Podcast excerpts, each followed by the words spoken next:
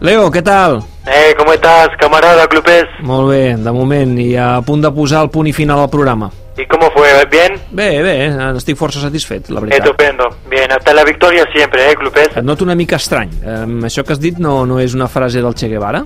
Sí, efectivamente, y sabes, era argentino como yo. ¿Y dónde nació?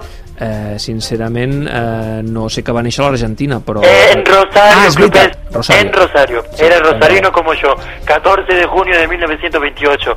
Entonces, soy la reencarnación del Che Guevara. Ya lo predijo el equipo el otro día. No, Leo, l'equip no, va predri, no va predir res. L'equip el que va fer va ser una comparació, una mica agafada amb pinces, també t'ho diré, de les idees del Che Guevara amb la postura que heu adoptat tu i els teus companys pe- pel tema de l'ERTO que aplicarà el, el club. Claro que sí, es que el capitalismo, clubes, es el genocida más respetado del mundo, camarada.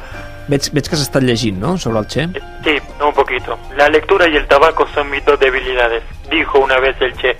Como Cruz, mira, por No, cierto. Cruyff, Cruyff va dir que les seves debilitats eren el futbol i el tabac. Bueno, en mi caso, fumar no fumo, pero sí leo. Però a veure, m'ha- m'estàs dient que una Ai. persona com tu està abraçant la doctrina comunista? Me lo estoy pensando, Clupe, porque tal y como dijo el Che, es mejor morir de pie que vivir de rodillas. Però tu no vius precisament de genolls. De momento no, pero ya viste que la dirección de nuestra empresa recortó el salario de los trabajadores, no es justo. Tenemos que hacernos con los sistemas de producción. ¿eh?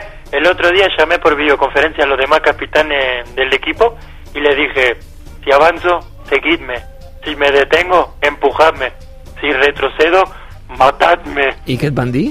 Que los temas tácticos, que los hablara con el MIT, no, no están por la causa, clubes. Ta- També ho entenc, eh, si vols que t'ho digui, eh? A- a- Ara que parlem del Che Guevara, Sí. estic navegant una mica per la seva biografia i saps què va dir també? Dime.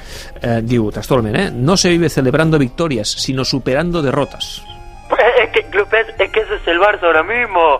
Vivimos intentando superar lo de Roma, lo de Liverpool. El año pasado casi ni celebramos la liga. No se vive celebrando victorias. ¿Y sabe qué, Clupez? Mm? Digues. Ya no quiero ser capitán del Barça. Què dius ara? No, seré el comandante. Comandante Leo. Una cosa, Leo. Presente. Eh, sí. surt, surt al pati de casa i, o al jardí o el que sigui i que et toqui una mica l'aire. ¿Dijiste, Patti? Bueno, pues podrán cortar las flores, pero nunca terminarán con la primavera. No ens en sortirem avui, Leo. Escolta, fins una altra. Hasta la victoria siempre, camarada.